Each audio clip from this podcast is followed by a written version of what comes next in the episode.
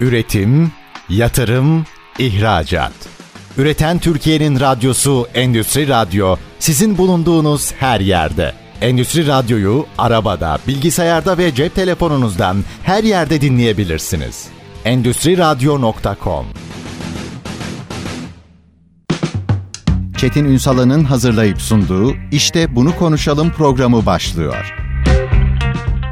İşte bunu konuşalımdan merhabalar. Türkiye'nin gerçek gündeminde birlikteyiz. Efendim bugün evet üst başlık olarak baktığımızda turizm sektörü gibi gözüküyor. Ama aslında turizm deyince genellikle işte otelleri konuşuyoruz vesaire. Hayır. Yani otellerin dışına çıktığınızda bambaşka bir hayat var ve restoranlardan başlamak üzere aslında orada sunulan hizmet, oradaki piyasadaki hacim, kalite her şeyi belirliyor. Bunları biraz mercek altına alacağız. Kıymetli bir konumuz var bugün. TÜRES, Tüm Restoranlar ve Turizmciler Derneği Genel Sekreteri Rıdvan Turşak. Bugün işte bunu konuşalımın konu. Sayın Turşak hoş geldiniz. Hoş bulduk. Teşekkür ediyorum Sarıda Çetin Bey. Var olunuz. Üstadım şimdi açacağız. Çok açacağımız şey var aslında. Evet, çok hani var hakikaten. Öyle bir alandan bahsediyoruz ki bir tarafta istihdam gücü. Öbür tarafta aslında herkesin aklında şöyle bir kanaat vardır. Gıda işinde. Gıda işine girmek lazım. Gıda Herkes işine dükkan açmak istiyor. Herkes dükkan açmak istiyor. Ama onun ötesinde de bir başka boyutuyla baktığımda işte bir de turizmi konuşuyorsak bir hızla yükselen gastronomi turizmi meselesi var. Hepsini alt alta koyduğumuzda bunların bütün başlıklarını açacağım. Ama galiba sıcaktan başlayalım. Piyasa ne durumda? Şu an piyasalar aslında havaların soğuması işte tabii ki bunun etkisiyle iyi değil. Gelmeden önce yayına biraz verileri toparladım sektörden. İşte Ortaköy'le de konuştum. Süleymaniye'yle de konuştum. Halkalı Atakent'teki üyelerimize de konuştum. Tabii TÜRES bine yakın markanın olduğu büyük bir STK, gönüllü bir birlikteliğini oluşturuyor. Türkiye genelinde 33 tane şube başkanı var TÜRES'in. Bunlarla sık sık biz diyalog kuruyoruz. Turizm sezonu tabii ki bitti. Hı hı. İşte İsrail-Filistin krizi de sektöre etki ediyor. Asıl önemli olan tabii ki soğuk havalar. İşte örneğin AFAD'dan geçen hafta üste gelen mesajlar vesaire tabii haklı olarak mesajlar e, sektörü etkiliyor. Bağlı. Evet. Yani direkt direkt yani. etkiliyor. E, bu mesajlar geldiği an insanlar özellikle hafta sonları hafta içi tabii ki işe gidiyor ama hafta sonları eve kilitleniyor yani. Böyle bir durum var şu an piyasada. Bir yüzde 40 ile yüzde 60 arası bir iş düşüşü var. Son bir 10 günü baz aldığımızda. Böyle bir durum var şu an piyasalarda. Ama inşallah daha yılbaşının gelmesiyle birlikte yılbaşı alışverişleri vesaire derken canlanmasını bekliyoruz. O zaman sizin en çok takip ettiğiniz site meteorolojinin sitesi. Doğru.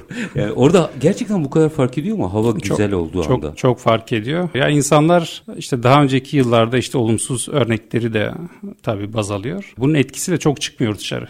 Çıkmak çok planlamıyor veya çıktı mı da işte çok hızlı bir şekilde yani gidip saatlerce kalacağı şekilde bir planlama yapmıyor hafta sonu insanları. Özellikle aileler, çocuklu aileler. E, tabii bu da ne oluyor? Sektörü etkiliyor. Yeme içme sektörünü etkiliyor. Çünkü e, yeme içme sektörü sadece karın doyurmak değil. Aslında bir kültür, bir sosyalleşme hı hı. mekanı aslında yeme içme yerleri. E, bunun etkisiyle uzun bir süre insanlar e, soğuk havalarda dışarı çıkmıyor. Bu bir tercih. Saygı diyoruz tabii ki ama işte bunun etkisiyle esnaf da kış aylarını çok durağan geçiriyor. Özellikle mesela şimdi herkes kendi sağlamasını yapsın. Bir pazar oldu mu yazsa da hadi bu pazar kahvaltıyı dışarıda yapalımla evet. başlayan evet. bir iş hacminden bahsediyoruz evet. aslında. Evet. Hafta sonları ağırlıkta sanıyorum evet. hacim oluyor. Peki onun ötesinde sektör bu süreci nasıl atlatıyor? Ya şöyle aslında sektör yazın kazandığını kışın yiyor diyebiliriz. Bu birçok sektörde de belirli ama yeme içme sektöründe bu daha belirgin bir şekilde. Çünkü yeme içme sektörü aslında ev dışı tüketim dediğimiz bir 300 bine yakın bir işletme var.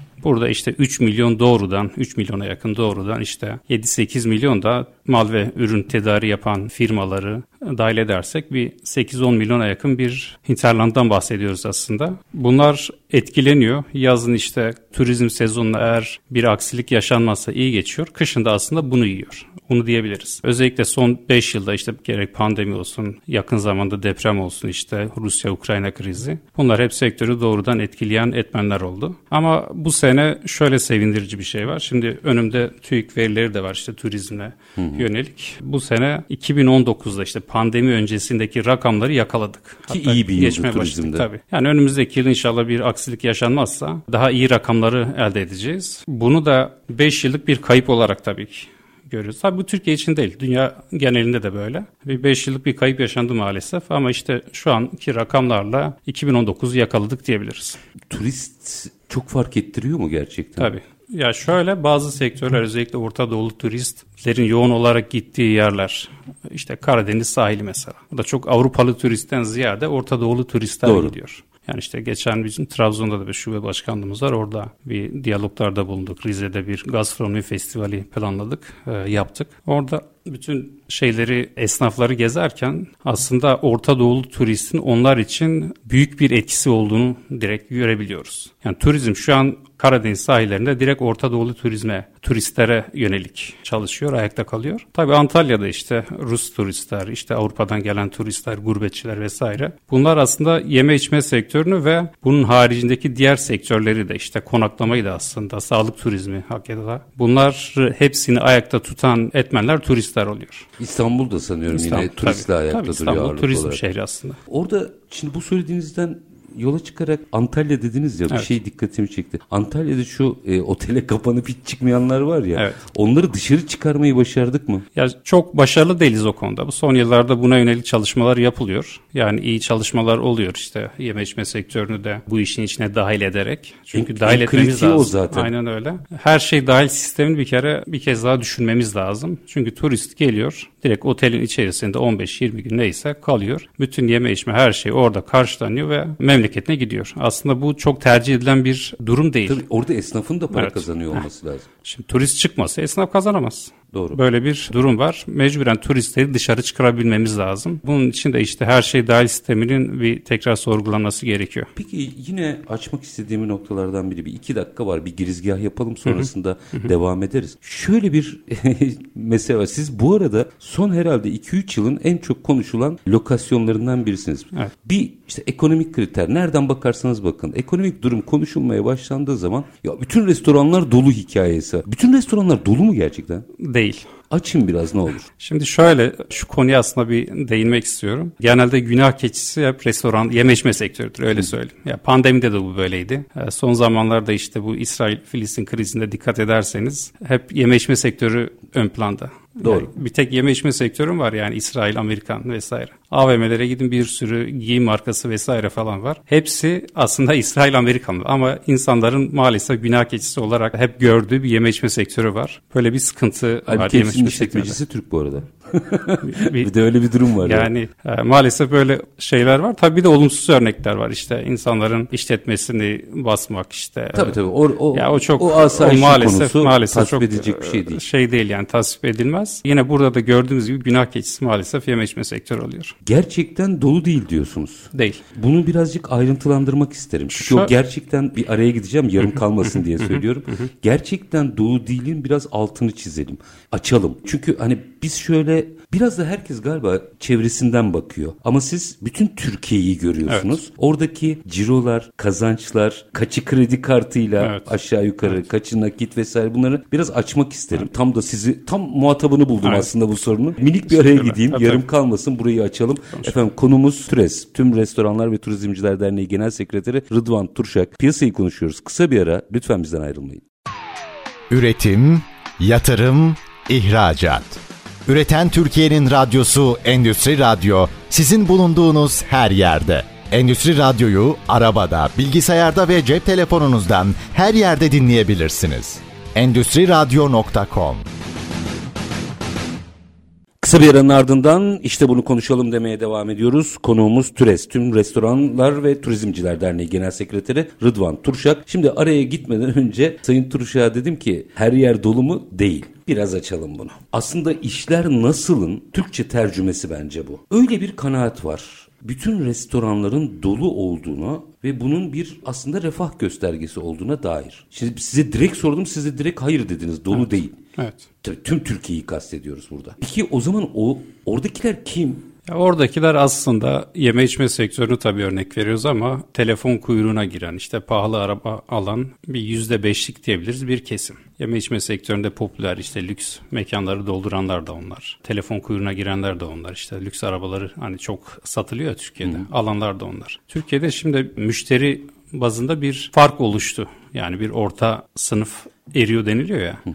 Bu doğru gerçekten. Artık o segment biraz belirginleşiyor. Lüks restoranlar ve işte daha az lüks restoranların sayısı azaldı ve lüks olmayanlar diyebiliriz yani aslında bir üç kategori yaparsak. Restoranların dolu olduğu yani çok şey değil. Yani yazın doludur. Yazın çok iyi iş yapıyor restoranlar. Kışında yani, yiyor diyorsunuz. Heh, kışında dolu değil. Yani boş restoranlar. Tabii dolu gör, görüleni insanlar işte aldanabiliyor. Restoranlar dolu ama restoranlar sadece yani yeme içme yeri değil. Bir sosyalleşme, bir kültürleşme yeridir. Bazen bir toplantı belirttik. yeri. Tabii, bazen iş bir iş yapıyor. görüşmesi yapılan yer. Bunlar iyi segmentte olan restoranlar, lüks restoranlar, iyi hizmet satan restoranların dolu olduğu doğru ama Anadolu'da bir yere gittiğimizde şu an Türes'in Sivas'ta da, Eskişehir'de de, Trabzon'da da, işte Antep'te de, Urfa'da da üyeleri var. Yani doluluk oranı yani doludur diyemeyiz. Öyle bir şey yok maalesef. Bir veri elimizde yok. Ee, yazın işler iyi gidiyor ama kışın esnaf e, yazın kazandığını yiyor diyebiliriz. Ve bu dönemden ari galiba. Genelde kural böyle galiba anladığım tabii, kadarıyla. Tabii. Piyasanın yapısı böyle. Ya yani. piyasanın yapısı da böyle. Yazın işler iyi gider. Yani yazın turizm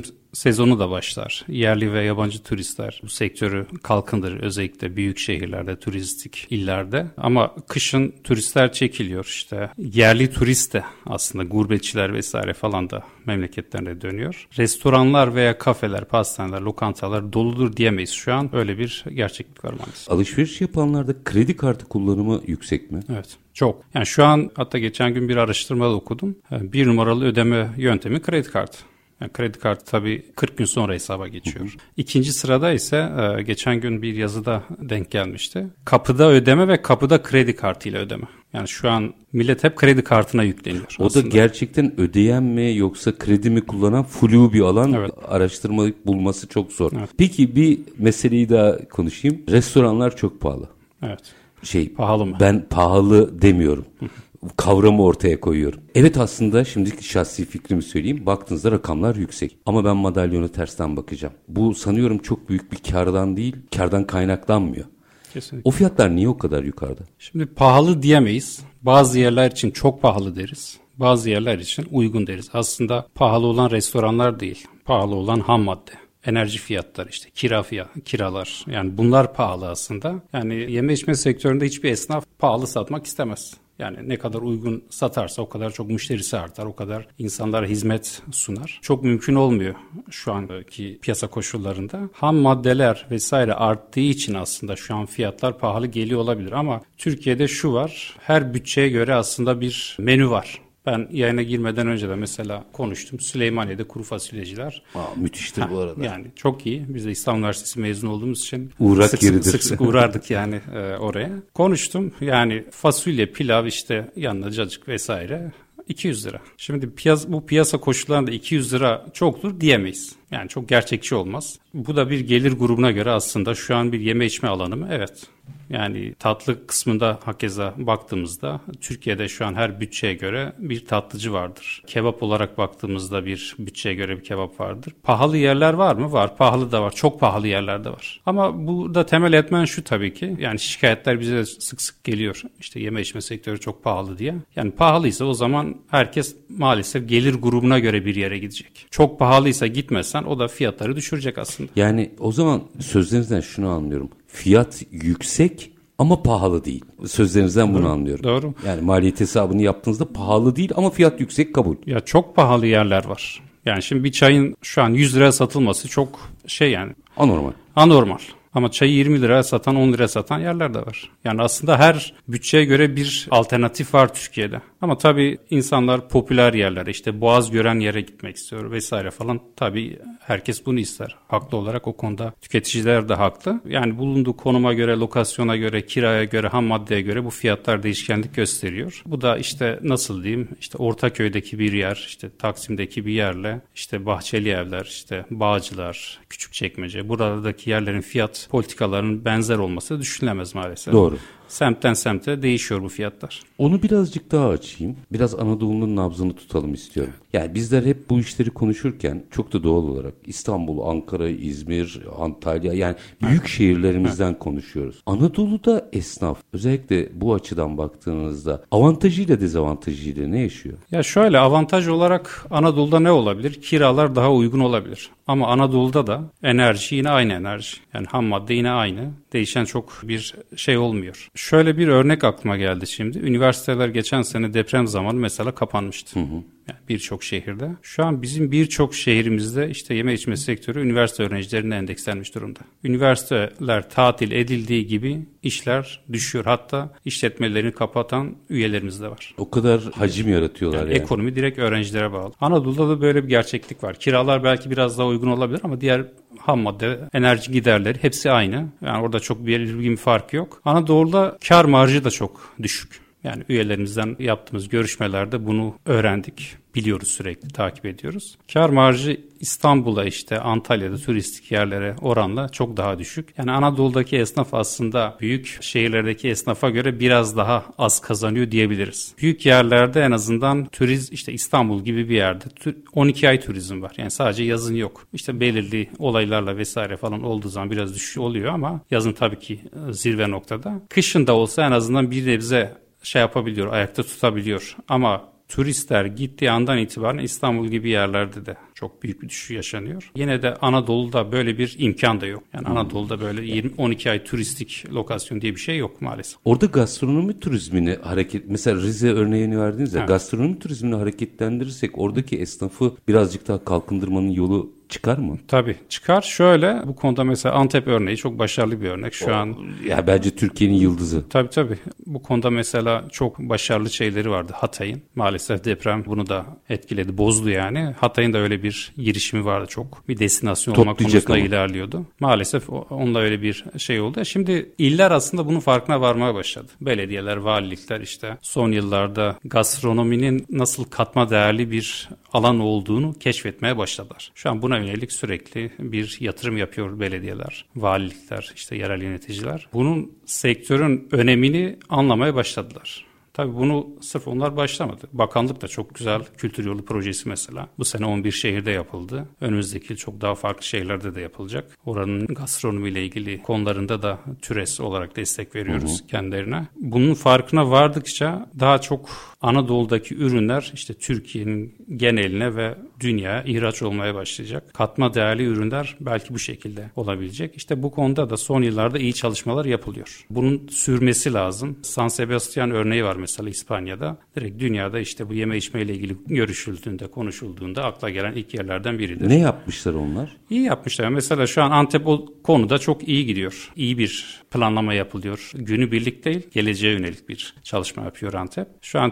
Türkiye'de hafta sonları iyi bir lezzet arayışında olanlar, maddi durumu da tabii buna elverişi olan bilinçli bir tüketici kesim uçağa atlıyor, Antep'e gidiyor, cumartesi pazar. Yeme içme olarak da çok iyi bir gelir bırakıyor esnafa. Dönerken de baklavasını alıyor, uçağa koyuyor ve Yaşayın. Bir ara şimdi birazcık daha maliyetler nedeniyle zorlaştı ama bir ara günü birlik yapanlar bile vardı var, bunun. Var var. Yani, yani sabah gidip akşam bütün gün Antep'te yesin, içsin, geçsin ondan sonra dönsün yapanlar vardı. Kesinlikle. Ya işte Antep güzel bir örnek. Yani Afyon, işte Kayseri, Bursa, Trabzon, Rize bu tarz yerlerde de işte iyi çalışmalar yapılıyor bu konuda Diyarbakır'da. İyi çalışmalar yapılıyor. Ee, bu doğru bir şey. Eğer buna odaklanabilirlerse yerel üreticiye de çok büyük faydası olacak. Üstad bir de Mardin bence evet, kesinlikle, çok kesinlikle. üzerinde durmamız gereken bir yer. Müthiş bir yer orası. Mardin'in tabii avantajı da şu. Yani yeme içme olarak da çok zengin. O yüzden ve, söylüyorum. Ve tarihi olması. Aslında Mardin avantajlı Antep'e oranla. Tabii. Ya biraz Mardin'le Antep'i belki eşleştirmemiz lazım. Evet. Oradan feyiz alırsa Mardin'in potansiyeli çok daha yüksek. Kesinlikle.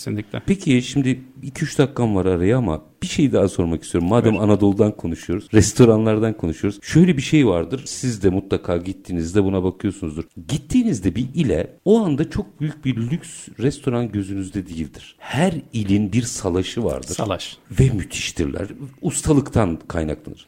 Şu ana kadar belki gerçekleşmemiş olabilir ama proje bazında var mı bilmiyorum. Türes'in böyle bir projesi var mı? 81 ildeki salaş restoranları bir envanterini çıkarsak biz. Kesinlikle Kesinlikle şöyle çok iyi de olur. Türes'in aslında şöyle üyelerine yönelik bu tarz çalışmaları var. Yani salaş restoranlar işte Antep olsun, Urfa olsun tarz yerlerde Türes bünyesine dahil Salaş olarak. yanlış anlaşılmasın. Sanıyorum herkes doğru ifade ettiğimi kanaat getirecektir. Gerçekten bir tanımlama olarak yani olumlama olarak kullanıyorum salaşı. Evet. Ya salaş yerler iyi yerler. Yani lüks restoran arayışında işte Anadolu'ya gittiğimizde çok fazla düşünmeyiz aslında. Salaş yerler çok daha uygun olur. Lezzet de çok farklı olur. Müthiş oluyor. Örneğin Şanlıurfa Birecik'te bir festival planladık biz. Balcan Kebabı Festivali vesaire bu sene türesi olarak. Orada gittiğimizde ismini vereceğim Maçandayı, ciğerci. Ya kasaplıktan gelme bir. Ya gittiğimizde adam sabah 6'da açıyor, 10'da bitiyor. Konuyu kapatıyor Yetişmek yani. için yetişmek için herkes sıraya giriyor mesela. Bu tarz salaş yerler bilinirliği arttıkça e, o ile büyük katkı sağlıyor. Bir de bunun bakın yazık işi yoktur. Kesinlikle. O neydi Maçandayı mıydı? Maçandayı. Maçandayı'yı mesela Bilecik'te. bilen e, Bilecik'te yaz kış gider. Onun kışın iş problemi yoktur bakın. Kesinlikle yok. Ya zaten bir kitle oluşturuyor. Oluşturduğu kitle işte her ilden bu tarz yerleri doğal henüz bozulmamış yerleri keşfettiğimizde insanlar da buraya gitmek istiyor. Yani buna önem veriyor. E, tabii lüks restoranlar vesaire falan oranın kendi dinamiklerine hizmet vermeye devam ediyor bir yandan da. Tabii ki. E, ama bu tarz İstanbul'dan atlayıp Urfa'ya, Antep'e vesaire gidildiğinde bu tarz yerler merak ediliyor ve ziyaret ediliyor. Bunlar hem o küçük esnaf diyebileceğimiz. Yani şimdi Tabii büyük tabii, esnaf, esnaf. değil. Tabii tabii küçük esnaf. Onları da kalkındırmak için çok güzel bir örnek oluyor. Tabii burada bir de sosyal medyanın etkisi var. Yani bir Şimdi o üzeri- mi? üzerinden durulması gereken önemli konu şu an son yıllarda sosyal medya. Instagram'dan o videoyu paylaştığında bir fenomen, bir influencer. Herkes oraya gidiyor. Bu da sosyal medyanın aslında yeme içme sektörüne olan çok önemli bir desteği. Hocam onun da birazcık şeyi çıkmadı. Zorlaması çıkmadı mı öyle diyeyim. Bu sefer de herkes fenomen tırnak içinde olmaya başladı. Yani burada da bir gariplik var. Çok var. yani işin hakkıyla yapanlar var. Elbette var. Yani gerçekten esnafın bilinirliğine ya sırf yeme içme olayı da işte giyimde de teknolojide de vesaire bunlar var işin hakkıyla yapanlar. Çok da iyi işler çıkartıyor. Yani yeme içme sektöründe olduğumuz için çok sayıda influencer'ı biz de temas kuruyoruz. Esnafa büyük faydası var. Gerçekten gidip çekip attığında o esnafın bir anda işleri artıyor. Çok doğru örnekleri de var ama tabii bu sektör çok büyük bir sektör olduğu için suistimale de açık konular ve kişiler olabiliyor. O da yapacak bir şey yok. Yani her sektörde maalesef bu tarz şeyler oluyor. Yine ana konuya döneyim o araya gitmeden önce. Şu envanter meselesi çok zor olmasa gerek. Var mı gündeminizde? Şöyle aslında Türkiye genelinde bunu yani yapabilmek türesi olarak çok şey değil. Yani çok kolay değil. Ama bunu yapan kişiler var mesela. Kültür Turizm Bakanı mesela bir gastronomi lisesi projesi var geçen Milli Eğitim Bakanlığı'nın kurmaya çalıştığı. Bunu Türkiye geneline yaymaya başladılar. Bunların desteğiyle işte mesleki olgunlaşma enstitülerinin de desteğiyle bu envanter çıkartılırsa bütün Türkiye çapında e, yeme içme sektörüne önemli etkileri olacaktır, önemli faydaları. Bunu il bazında şu an yapıyorlar. Biz de bunlara destek veriyoruz ama Türkiye genelinde bunun yapılması için tabii ki bir devlet aklı Özel lazım. lazım. Tabii ki. Şimdi insan kaynağı meselesini açacağım. Bir araya Kesinlikle. gideceğim ama ben size bu salaş yerlerin envanteriyle ilgili hemen söyleyeyim. Gidin her ildeki ticaret ve sanayi odasında iş adamlarının hepsi orada. Onları onlar o ilde kimin iyi olduğunu biliyorlar. Ben şimdiden size tiyosunu Ya onu biz biliyoruz da tabii ki ama bu iş, iş için gerçekten çok geniş çaplı Tabii, bir akıl tabii, lazım. tabii, tabii, yani o şey değil. Çok Ya geniş çaplı bir çalışma lazım. Bambaşka bir gastronomi Mesela burada- ayağı olabilir. Burada direkt hemen Ömür Akkor örneğini vereyim. Türkiye birçok yerini geziyor. Türesinde yönetim kurulunda kendisi. Bir Ömür Akkor seyahatnamesi çıkartıyor mesela. Hangi ilde ne yenilir, kim Hmm. meşhur vesaire falan. Aslında bir nevi örnekleri var ama çok daha büyütülmesi lazım. Kapsamlı. Geniş, kapsamlı Bunu yurt dışına bile satarız ben Kesinlikle, size söyleyeyim. Kesinlikle. Şimdi minik bir araya gidelim. Aranın ardından aslında sektörün en can damarı konularından biri. İstihdam ve nitelikli insan gücü. Burayı biraz açmak istiyorum. Hazırda liseye, gastronomi lisesine atıfta bulunmuşken ama minik bir araya gidelim. Aranın ardından TÜRES, Tüm Restoranlar ve Turizmciler Derneği Genel Sekreteri Rıdvan Turşak'la işte bunu konuşalım diyeceğiz. Lütfen bizden ayrılmayın. Üretim, yatırım, ihracat. Üreten Türkiye'nin radyosu Endüstri Radyo sizin bulunduğunuz her yerde. Endüstri Radyo'yu arabada, bilgisayarda ve cep telefonunuzdan her yerde dinleyebilirsiniz. Endüstri Radyo.com Kısa bir aranın ardından işte bunu konuşalım demeye devam ediyoruz efendim. Konuğumuz TÜRES, Tüm Restoranlar ve Turizmciler Derneği Genel Sekreteri Rıdvan Turşak. Aslında birçok boyutuyla konuştuk ama şimdi en can alıcı başlığı şimdiye sakladım. İnsan kaynağı. Bir tarafta baktığınızda istihdamın en önemli başlıklarından biri. Bunu ben söylemiyorum. TÜİK verilerine göre tabii ki farklı sektörlerde olmakla birlikte Türkiye'deki istihdamın neredeyse %56'sı hizmetler sektöründe. Evet. Sanıyorum burada restoranların da e, ağırlıklı bir payı var. Peki ama buna rağmen nitelikli insan kaynağı açığı nasıl oluşuyor? Biraz bunu konuşalım.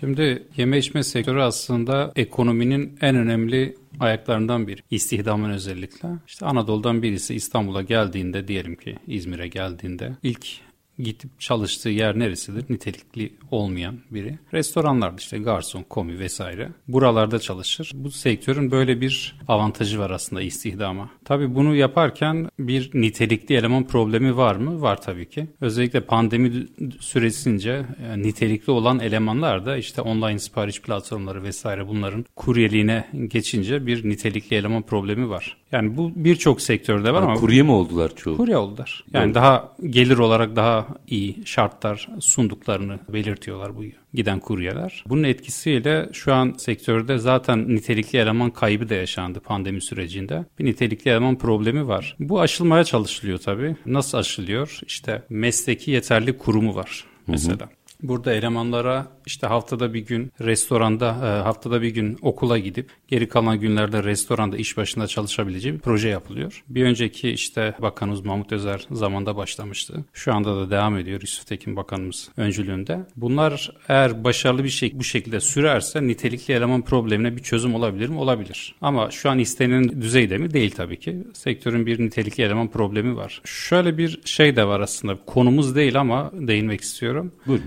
Şu an her ilde bir res- üniversite. Hı hı. Her ilde geçtim artık. Bir ilçede bile üniversite var. Aslında nitelikli eleman olabilecek yaşta üniversiteli oluyor gençler. Biz zorlu üniversiteli evet. yapıyoruz onları.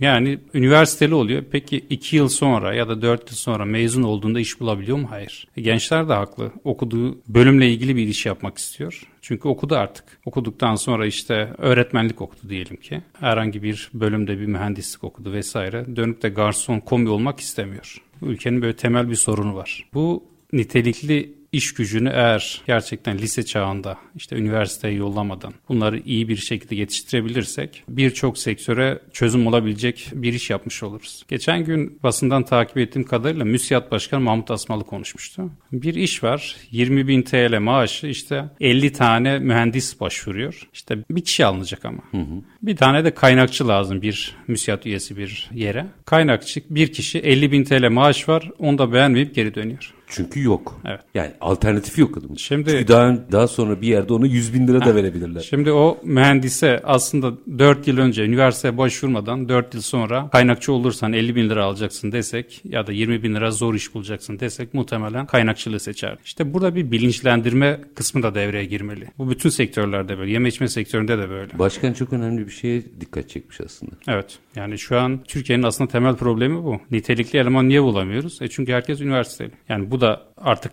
sorgulanmaya başladı zaten iş dünyası tarafından da uzun zamandır sorgulanıyor. Bunu eğer gerçekten iyi bir nitelikli personel bulmak istiyorsak üniversite konusunu biraz değerlendirmek lazım. Orada bir şeyi de açmak lazım. Belki üniversite mezunu değil, bunun meslek liselerinden evet, mezunlar. Evet. Özellikle turizm otelcilik meslek evet. yüksek okullarından çok sayıda çocuk mezun oluyor. Bu inşaat sektörüyle ilgili de benim öyle bir kaygım vardır. Turizmde daha doğrusu restoran ağırlıklı olarak evet. bu tarafta da şundan galiba sektörün kurtulması gerekiyor. Vasıfsız iş gücünün istihdam edildiği alan. Evet. Çok kritik yani o nasıl inşaat son derece kritik evet. bir sahaysa evet. bir restoranın mutfağından garsonuna kadar aslında çok nitelikli olması gerekmiyor mu? Kesinlikle. İşte konunun başında aslında diğer detaylara girince onu bir daha açmak lazım. Mesleki yeterli kurumu direkt iş başında kişilere işte garsonlara, komilere iş öğretiyor. Ve bunun karşısında bir belge veriyor aslında. Bu belge Türkiye'de değil Avrupa Birliği projesi kapsamında bir çalışma bu. AB'de geçerli olan bir belge.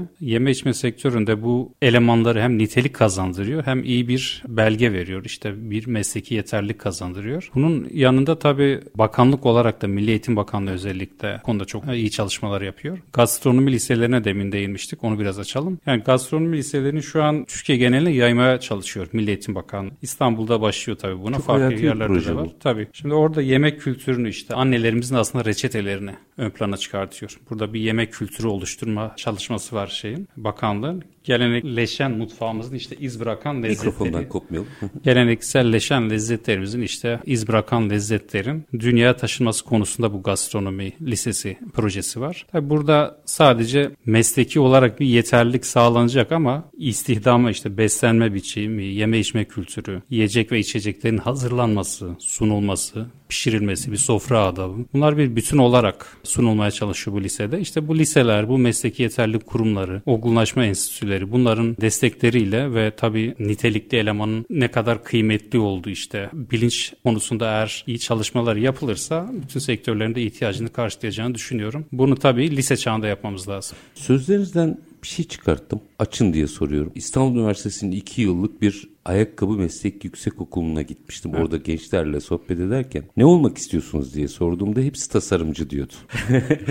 Halbuki peki, mesela, peki ayakkabıyı kim yapacak? Sa- ha, sayacıya da ihtiyaç var. Hakkıdır. Her evet. çocuğun hakkıdır. Ama şimdi bir sınıfın yüzde sekseni tasarımcı olmak istiyorsa orada bir gariplik var. Kesinlikle. Şimdi sizin bunu söylediğinizde de onu hissettim. hepsi aşçı olmak isterse halbuki çok hatırlar mısınız? Hatırlamayabilirsiniz. Çok gençsiniz. Mesela Beyoğlu'nda falan öyle restoranlar vardı ki ben çocuktum gittim garson oradaydı. Ben geldim 50 yaşına garson hala orada evet. ama jilet gibidir konuyabilir. Evet. Bunu garson olarak kalmanın önemini de anlatmamız gerekmiyor evet, mu? Evet. Niye herkes aşçı olmaya çalışıyor? Evet. Bir örnek daha vereyim hatta. Lütfen. İşte Medeniyet Üniversitesi'nde gastronomi bölümü türesi bunu koordine etti. Eğitimlerine destek verdi vesaire falan. Gastronomi okulları şu an mutfak sanatları okulları vesaire Türkiye genelinde yayın bütün birçok üniversitede açılmaya başladı. Bir farkındalık oluştu bölüme yönelik. Televizyon programları vesaire aracılığıyla. Şu an bölümlerden mezun olan herkes Michelin şefi olmak istiyor.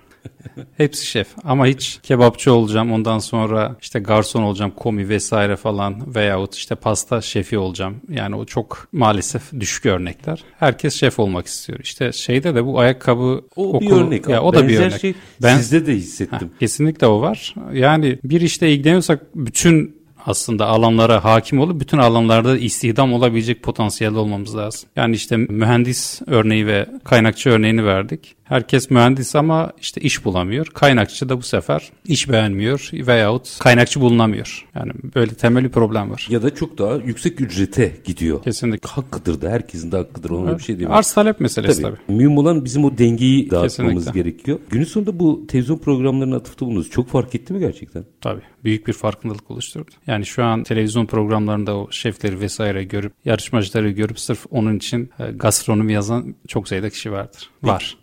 Peki restoranlara etkisi oldu bunların? Yani yeme içme kültürü açısından. İlla ki. Yani onların nasıl diyeyim yeme içme kültürüne yönelik bir farkındalık oluşturdu. Kaliteyi arttırdı. Yani bir bilinç oluşunca kalite arttırıyor işte. Programda görüyor tabak gibi detayları görünce insanlar bunu restoranlarda da bekliyor. Restoranlarda da tabii nasıl gelişecek? Müşteriden gelen bildirimlere göre kendilerini revize ediyor yeme içme sektörü. Çok dinamik bir sektör çünkü. Revize ettiği oranda da kalite artıyor. Böyle de bir etkisi var. Son bir şey iki dakikada onu konuşalım. Türkiye'deki neredeyse bütün restoranları da turizm ayağıyla da temsil eden bir dernek karşımdayken bunu yapanlar var. Haklarını teslim edeyim. Tabii isim vermeyeceğim. Genel için soruyorum. Şöyle bir sokağa çıktığınızda bir sürü yabancı restoran görebiliyorsunuz. Evet. Niye benim restoranlarım yurt dışında o kadar çok yok? Evet. İşte burada da henüz yeterli düzeyde olmadığımızı aslında kabul etmiş oluyoruz. Yani marka oluşturma kavramını iyi bilmemiz lazım. Bunu daha profesyonel yapmamız lazım, kurumsal yapmamız lazım. Bu konuda mesela TÜRES üyeleri iyi seviyede diyebilirim. Niye?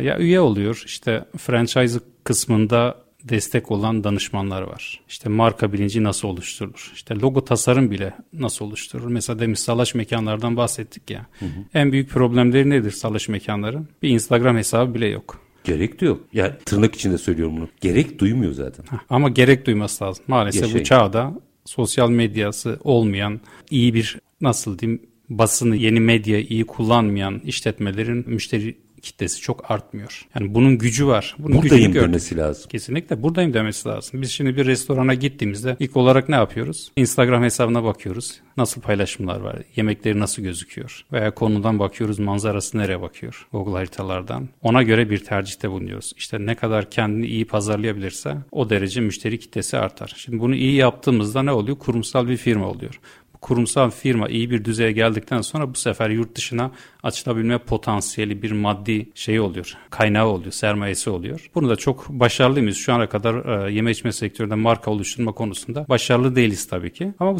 bizim sektörde değil. E, demin sizi programa gelmeden önce arabada dinliyordum. Bir kitaptan bahsetti. Güney Kore örneğinden bahsettiler. Hmm, evet, evet. Güney Kore'de işte birkaç markalaşma sürecinden Güney Kore ile Türkiye mesela aynı seviyedeydi aslında. Savaş zamanları vesaire. Şu an çok önemli markaları var işte telefonda da işte teknolojide Ona yakın vesaire. dünya çapında ha. bilinen markası Müthiş. var. Ama Güney Kore ile Türkiye aslında aynı seviyedeydi. Galiba burada bu da nerede ders çalışmamız gerektiğini bize gösteriyor. Kesinlikle. Başarılı örnekleri var. Size çok teşekkür ediyorum. Rica teşekkür ederiz. Ama anladığım kadarıyla birincisi nitelikte elemandan e, maliyetlere kadar sorunlarınız anlatılmaya ihtiyacı var. Evet. Ayrımınız çok iyiydi. Fiyat yüksek olabilir ama bu pahalı değil.